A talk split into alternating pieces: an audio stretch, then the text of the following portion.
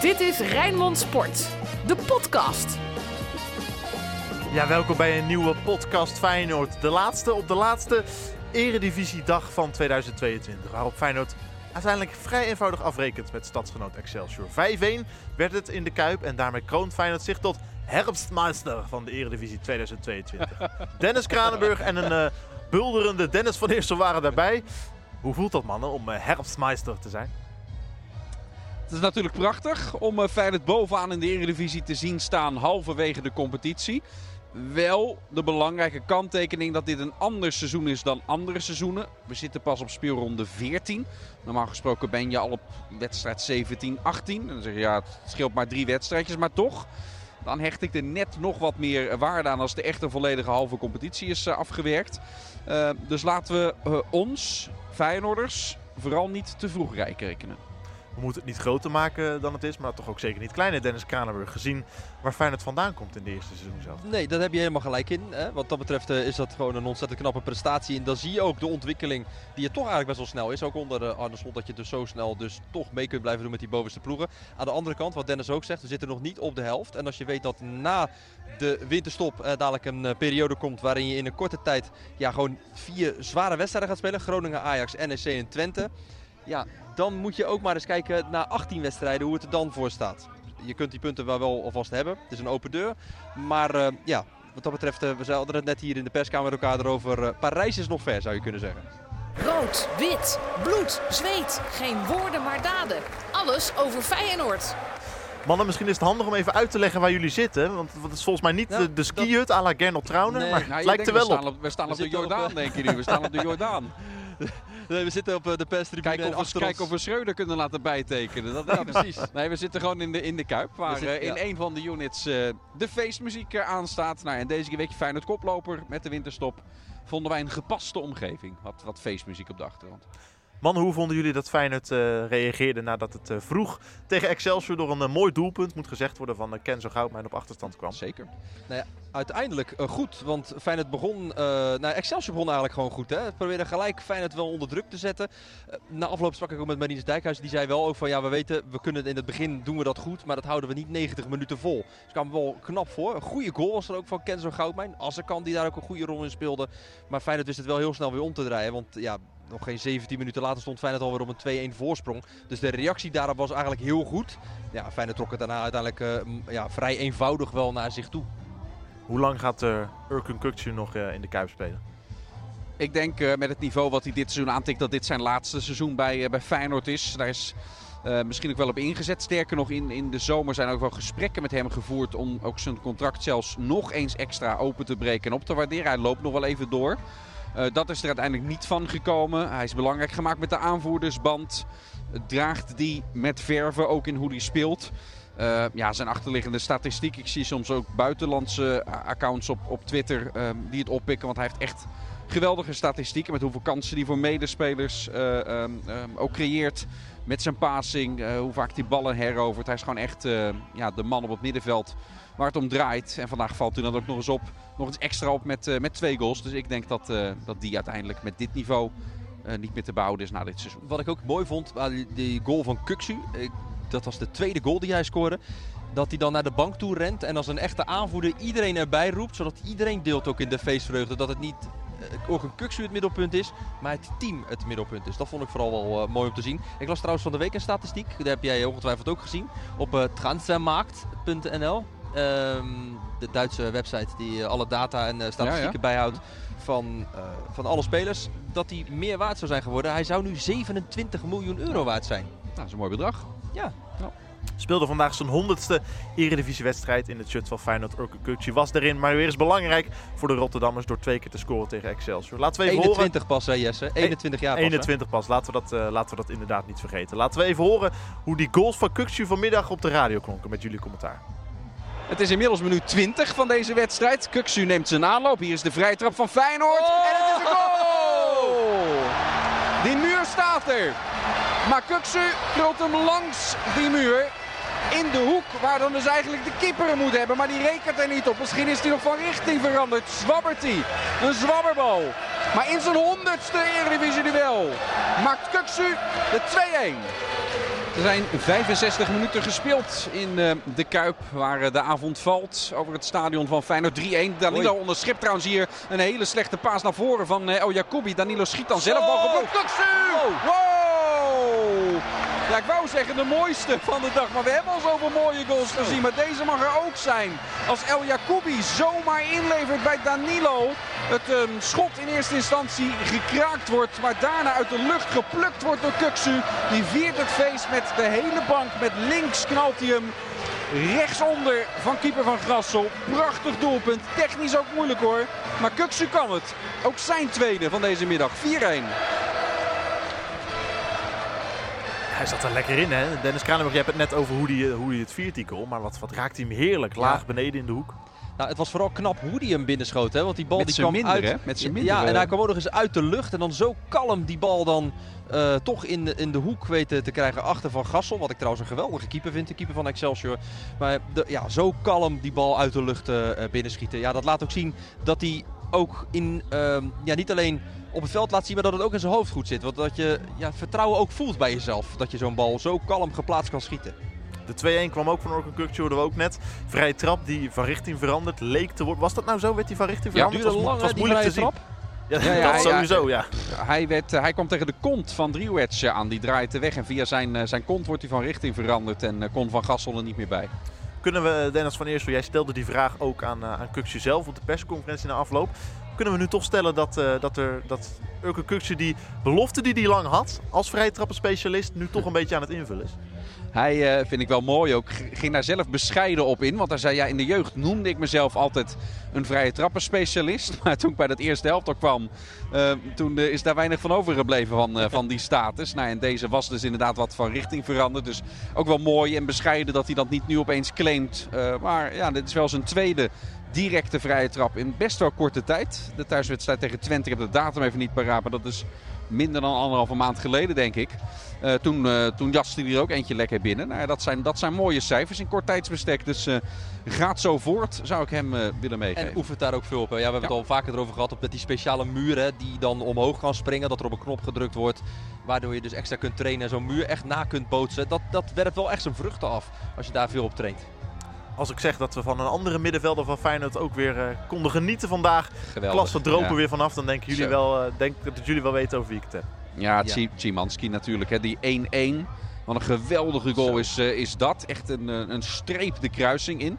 Ik denk al met al, ja, dit is de, de Feyenoord podcast, maar al met al dat ik die goal van Excelsior, die goal van Goudmijn, dat ik dat dan toch de mooiste van de dag oh, vind. Met hoe als er kan die die inlepelt, Goudmijn die hem meeneemt en fantastisch bin, binnenschiet. Omdat dat nog, nog meer een team effort is en Szymanski echt op zijn eigen klasse daarin ook leuk. Maar geweldige goal van hem, die, die 1-1 van de Pol.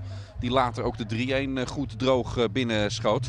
Ja, lekker dat de middenvelders van Feyenoord um, um, ook gewoon goed scorend vermogen hebben. Hè? Kuksu maakt zijn vijfde en zijn zesde. Simanski zijn vijfde en zijn zesde van de competitie. De vleugelaanvallers leveren nog niet echt dit seizoen. Dus ja, fijn dat het dan van de middenvelders wat meer komt. Laten we even luisteren naar de twee goals van Sebastian Simanski vanmiddag op Radio Rijnmond. Nu de bal op gelegd. Simanski kan gaan schieten met links. Simanski! Oh! Wow, wow, wow. Wat een wereldgoal van Sebastian Simanski zeg. Je denkt hij raakt geblesseerd bij dat duel met Azarkan. Maar dan krijgt hij ruimte voor het schot met die gouden linker. Pats, boom! 1-1. Wilinci Hartman die uh, neemt de bal mee, de middenlijn over. Speelt hem nu in de voeten van Javario Dilrosun. Dilrosun gaat buitenom. Met uh, wat geluk is die langs tegenstander nummer 2. Ook Siebe Horemans. Inmiddels baas wel in de achtervolging. Dilrosun. Goeie bal, goede bal. Simanski. Goal! Oh, 3-1 voor Feyenoord.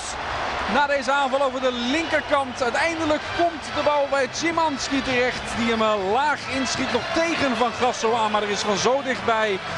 Tegen de linker van Szymanski niets meer aan te doen. Feyenoord op 3-1.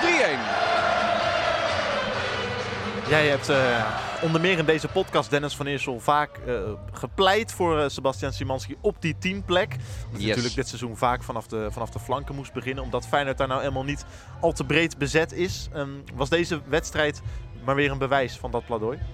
Ja hoor, maar niet alleen deze wedstrijd. Kijk uiteindelijk zijn, um, zijn goals terug.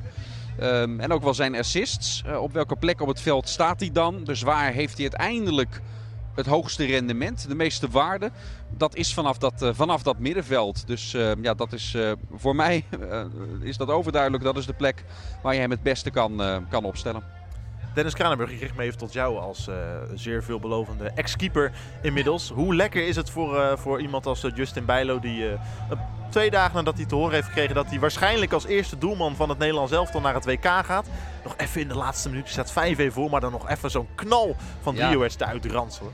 Ja, wat vooral voor hem natuurlijk een enorme boost voor zijn vertrouwen is, is natuurlijk inderdaad die uitverkiezing dat hij meegaat naar het WK. Waar ik 100% achter sta. Want ik vind Bijlo gewoon de beste keeper die we in Nederland hebben. Er is heel veel gezegd over Jasper Sillissen. Ja, Jasper Sillissen is ook een aardige keeper. Goede keeper. Maar ik vind... Uh, ja, ja. dan zeggen ze een aardige jongen. Nee, nee, nee, nee, nee, nee, ik vind Sillissen is echt wel een goede keeper. Maar ik vind Bijlo gewoon echt gewoon een betere keeper. Die inderdaad aan het begin ook hè, heel veel nieuwe spelers voor zich zag staan. Ook daaraan moest wennen. Daardoor misschien ook een keer een, een foutje heeft uh, gemaakt. Nu echt in goede vorm is, uh, aan het uh, komen is. Hij is uh, actief met coachen. Ballen die teruggespeeld worden waarbij hij onder druk wordt gezet, raakt hij niet in paniek. Geeft dan geen lange trap naar voren. Geeft die ballen weer mee aan de spelers die zich aanbieden aan de zijkant. Is bij hoge ballen heel heersend in zijn eigen doelgebied. Is belangrijk met de reddingen geweest in de afgelopen periode. Ja, en als je dan vandaag zo'n bal krijgt die op je afkomt, richting de bovenhoek gaat en je tikt hem eruit. Dan laat je dus wel zien dat je op het juiste moment gaat pieken. Ja, dat, met dat WK voor de deur kan dat voor Bijlo ook nog eens heel erg uh, uh, mee gaan werken. Want ook die gaat zich op dat WK gewoon in de schijnwerper spelen. Daar ben ik echt van overtuigd. Ik hoor jullie ook tijdens wedstrijden van Feyenoord steeds vaker in koor roepen... Bijlo! Met een soort van verwondering in iemands naam verstopt. Nou nee, maar dat komt ook gewoon, weet je. Bijlo is, wat ik net ook zeg, dus gewoon echt een goede keeper. En als hij de ballen tegenhoudt, dan is die verwondering niet omdat we denken dat hij een bal tegenhoudt. Maar meer omdat het gewoon weer een geweldige redding is, weet je wel. Zo'n bal die vandaag, als die bal vandaag de kruising invliegt uh, aan het einde van de wedstrijd. Dan denkt iedereen, nou, mooie goal van Excelsior. Dan had niemand Bijlo aangekeken. Maar nu tikt hij hem eruit. Hij had uh, van de week tegen Cambuur ook zo'n hele gekke redding. Die uh, speler van Cambuur stond, volgens mij was het Brei, die vlak voor hem stond. Kon die bal eigenlijk ja, nog net van richting veranderen. Bijlo bleef heel lang staan. Waardoor hij met een reflex de bal tegenhield. Tegen Lazio een aantal goede reddingen. Ja, dan zie je hem soms reddingen maken dat ik wel eens denk, wow, Bijlo. Weet je wel? Maar dan meer de verbazing van hoe hou je hem eruit? Hoe, hoe krijg je het voor elkaar? Daar komt die verbazing dan vooral vandaan. De Feyenoorder van de week. Nou, ik ben zeer benieuwd of dat een man is die wij al in deze podcast hebben besproken of iemand daarbuiten. Dennis, jij mag beginnen. ben ik altijd benieuwd. Van, altijd benieuwd, van benieuwd wie die rol muntje. Ik gun hem. Uh, nee, dan, dan, dan kies ik voor, uh, voor ook een Kuksu. Um, maakte vandaag twee, maar ik vind hem ook weer opstaan op het moment dat Feyenoord achter staat en het elftal bij de hand uh, nemen. Er was één keer zo'n moment dat de bal werd, werd. Dat hij de eerste is die, die versnelt. Volgens mij leverde dat moment geen doelpunt op. Maar ja, dat heb ik hem al vaker dit seizoen zien doen. Hij is de aanvoerder van, van Feyenoord. Speelt zijn honderdste Eredivisie duel. En was ook vandaag weer, weer een van de grote mannen in, uh, in dit elftal. Ik ben, uh, ben echt van hem onder de indruk wat voor een stappen hij sinds de nieuwe trainer er is. Vorig seizoen al, maar ook dit seizoen heeft uh, gemaakt. Ik vond vooral een aantal spelers vandaag ook vooral geen kans maken op Feyenoord van de week. Omdat ik vond dat een aantal spelers ja, niet goed presteerden vandaag. Hè. Ik vond bijvoorbeeld Ali Reza Jaanbaks heel matig invallen. Ja, ja. Deel Rozen, daar moet echt meer vandaan gaan komen. Ik vond Geertruida slordig. Timber ook niet echt een geweldige wedstrijd. Ik liep naar buiten om de interviews voor Excelsior op te nemen. Dat moet je trappetje af naar beneden naar de mix zonder werd ik aangesproken. Toen kwamen ook mensen echt naar me toe die zeiden ook van... Nou, wat vond je nou van Timber? Dat was, dat was vandaag niet de lekkerste wedstrijd, hè? Ik zei, ja, maar ja, dat uh, zit er bij hem ook wel eens bij. Omdat hij wel vaker wel uh, aardige wedstrijden speelt. Ja, als hij dan als Dennis uh, van Eersel voor Kuksu gaat... Ja, dan ga ik denk ik dan toch voor Simanski, hè? Die twee goals maakt voor, voor, voor Feyenoord. Ook met Polen naar het WK toe gaat. ik hoop voor hem dat dat ook een heel mooi WK gaat worden. dan ga ik toch voor Sebastian Simanski.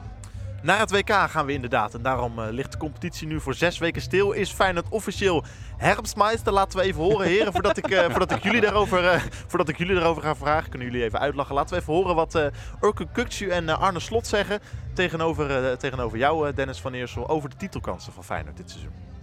Ja, als je nu als eerste afsluit, dan doe je zeker mee. Maar we hebben nog belangrijke wedstrijd in januari. En daarna kan je denk ik echt pas zeggen of je titelkandidaat bent. Ja, ik, ik denk als je, als je het Feyenoord shirt aantrekt... dat je altijd het gevoel hebt dat je meedoet voor de landstitel. Uh, en als je half, na 14 wedstrijden staat waar wij staan... dan, um, dan zou het gek zijn om daar niet mee bezig te zijn voor de supporter. Wij intern zijn vooral bezig met, nou afgelopen donderdag was ik nog niet zo tevreden over de eerste helft, was ik vandaag meer tevreden dan donderdag, maar ook nog niet compleet. De tweede helft vond ik uitstekend, dus ik denk dat wij nog voldoende stappen voorwaarts moeten maken. Ehm, om bovenin te blijven spelen. En uh, de ervaring heeft ook geleerd de afgelopen jaren dat onze concurrenten uh, afgelopen zomer ook flink, afgelopen winter, een jaar geleden ook flink uh, hebben. Dus je zal straks weer moeten zien hoe zien alle selecties eruit en hoe komt iedereen uit de winterstop. En de tweede fase van het seizoen is anders dan anders. Meer wedstrijden dan, dan normaal. Dus, um, dus ja, ik vind het nu nog veel te vroeg om uh, alleen maar naar de ranglijst te kijken. We moeten vooral ons focussen op ons eigen spel. En daar hebben we gelukkig vijf weken de tijd voor om daarop te trainen. Hoe kijken jullie daarnaar, mannen? De positie van Feyenoord op dit moment in de titelrace? Ik vind dat er realistische woorden worden gesproken. Ik, uh, ik, ik deel dit ook. Ik vind uh, uh, uiteraard als Feyenoord nu na 14 wedstrijden staat waar het staat, ehm, dat het dus heel dicht bij elkaar zit. Drie punten voor bij Ajax en PSV, vier op, ehm, op AZ. Um, en uh, dat het nog veel te voorbarig is om er nu ook al van uit te gaan dat Feyenoord naar speelronde 34 op deze plek staat. Maar dat je ook niet meer met droge ogen kan beweren dat dat volledig uh, uitgesloten is. Dus ja, Feyenoord doet mee. Maar vooral wat Kuxu zegt, dat programma in januari, laten we het daar even over hebben Jesse. Want dat is me een, een, een programma echt, echt stevig en pittig voor Feyenoord hoor. Ze beginnen na de winterstop uit in Utrecht. De week daarna op bezoek bij Groningen. Dan het weekend daarna de klassieker thuis tegen Ajax. En die maand wordt afgesloten met een uitwedstrijd bij Twente. Tussendoor nog een bekerduel tegen PEC. En NEC komt voor de competitie een keer langs hier. Maar uh, Groningen, Utrecht en Twente uit en Ajax thuis. Dat zijn de, de wedstrijden in de weekenden in uh, januari. Ga er maar aan staan. Na die reeks wedstrijden, stel me deze vraag dan nog een keer opnieuw. Je weet wel wat, uh, waar je aan toe bent dan toch? Ik bedoel, Arne Slot kan nu zes weken gaan bouwen. Kan uh, Feyenoord nog verder tot een ploeg smeden, voor zover het dat uh, nog niet is. Nou, je krijgt meteen een paar, een paar testjes voor je voeten geworpen. Nou, wat wel mooi is, dat, dit is eigenlijk gewoon een soort reset van de competitie die je nu gaat krijgen. Normaal is die winterstop altijd heel kort. Uh, misschien uh, twee, tweeënhalve week de tijd en dan uh, mag je alweer aan de bak. Ja. Nu heb je gewoon echt wel lang de tijd. Is het eigenlijk gewoon een soort nieuwe voorbereiding. Waarbij de meeste spelers bij Feyenoord wel hier blijven. Omdat uiteindelijk Bijlo naar het WK gaat. We weten dat Simanski naar het WK gaat. nou ja, misschien dat Jiménez nog gaat. En ja, van, of Ali Reza Jaanbaks gaat, dat weten we ook nog, weten we waarschijnlijk inderdaad. Maar dat weten we nog niet helemaal zeker. Nou ja, hij, hij gaat natuurlijk. Het, het hangt ervan af of Iran mee mag doen of nee, niet. Maar, ja, en of die misschien door zijn kritiek wel opgeroepen gaat worden ook. Want dat is natuurlijk ook nog iets wat meespeelt. Aan de andere kant, ja, je sterspeler thuis laten is misschien ook nog iets dat uh, uh, uh, ja, daarin mee zal spelen. Zit je daar trouwens nog? Want het licht gaat uit. Ik zie je inmiddels niet meer hier naast me zitten. nee, maar dat is wel iets um, waar Slot natuurlijk met heel veel spelers die hij nog bij zich gaat houden in de komende periode. Ja, wel ideaal natuurlijk die hele lange periode kan gaan toewerken naar het hervatten van de competitie op 8 januari tegen uh, FC Utrecht. Ja, ik probeer gelijk op mijn blaadje te kijken, maar ik zie het niet meer. En dan inderdaad dat zware programma af gaat werken. En dan ben ik inderdaad, wat Dennis net ook zegt, ook heel benieuwd hoe Feyenoord er eind januari voor staat. Nou weet ik, uh, Dennis van Eersel, dat jij jouw absolute favoriete rubriek van deze podcast alles behalve graag overslaat. En dat, uh, en dat jij, Dennis Kranenburg, graag naar jouw uh, zwoele jingletje luistert. maar gaan we nu echt al voorspellen voor Utrecht uit op 8 januari? Dat lijkt me een beetje, uh, beetje niet zeggen, toch? Nee, nee, nee, nee, dat gaan we niet doen. Nee, we gaan echt nog we, we, we, bij deze. En ik, ik neem hier alle verantwoordelijkheid voor op mijn schouders. Wij gaan nog voor um, dat de competitie wordt hervat, gaan we in die week van januari gaan we nog een podcastje opnemen. Hou ik je aan, ja? Dennis. Hou ik je aan. Alles gezegd, mannen, wat betreft uh, Eredivisiejaar 2022 voor nu. Ja, voor het Eredivisiejaar wel. Nog wel goed om aan te stippen dat Feyenoord nog in dit kalenderjaar, in december, natuurlijk de nodige oefenwedstrijden gaat spelen. Sowieso op 28 december, uh, op een woensdag is dat zeg ik uit het hoofd, uh, tegen FC Emmen. Hier in de Kuip ook. Maar er gaan nog meer wedstrijden komen. Nog niet helemaal bekend of die nou in de Kuip allemaal worden gespeeld. Of misschien ook op, op Varkenoord of zelfs op, op 1908. Maar Feyenoord gaat echt nog wel de nodige oefenwedstrijden spelen. Ook bij een trainingskamp in het buitenland. Dus ja, hou ook tijdens dat WK vooral Rijnmond.nl in de gaten. Natuurlijk voor het allerlaatste Feyenoord nieuws. Hoe die oefenwedstrijden zijn, zijn verlopen. Want ik weet ook nog niet of we overal live verslag van gaan en mogen doen. Maar we zijn er in ieder geval bij en komen altijd met een uitgebreid wedstrijdverslag op de prop. Inderdaad, houd ons, op de, uh, houd ons in de gaten en je mist helemaal niets van al het Feyenoord nieuws rondom uh, die oefenwedstrijden en eventuele andere, eventuele andere zaken. Dennis en Dennis, wel bedankt. Graag gedaan weer Jesse. En jij bedankt voor het luisteren. Tot de volgende. Dit was Rijnmond Sport, de podcast. Meer sportnieuws op Rijnmond.nl en de Rijnmond app.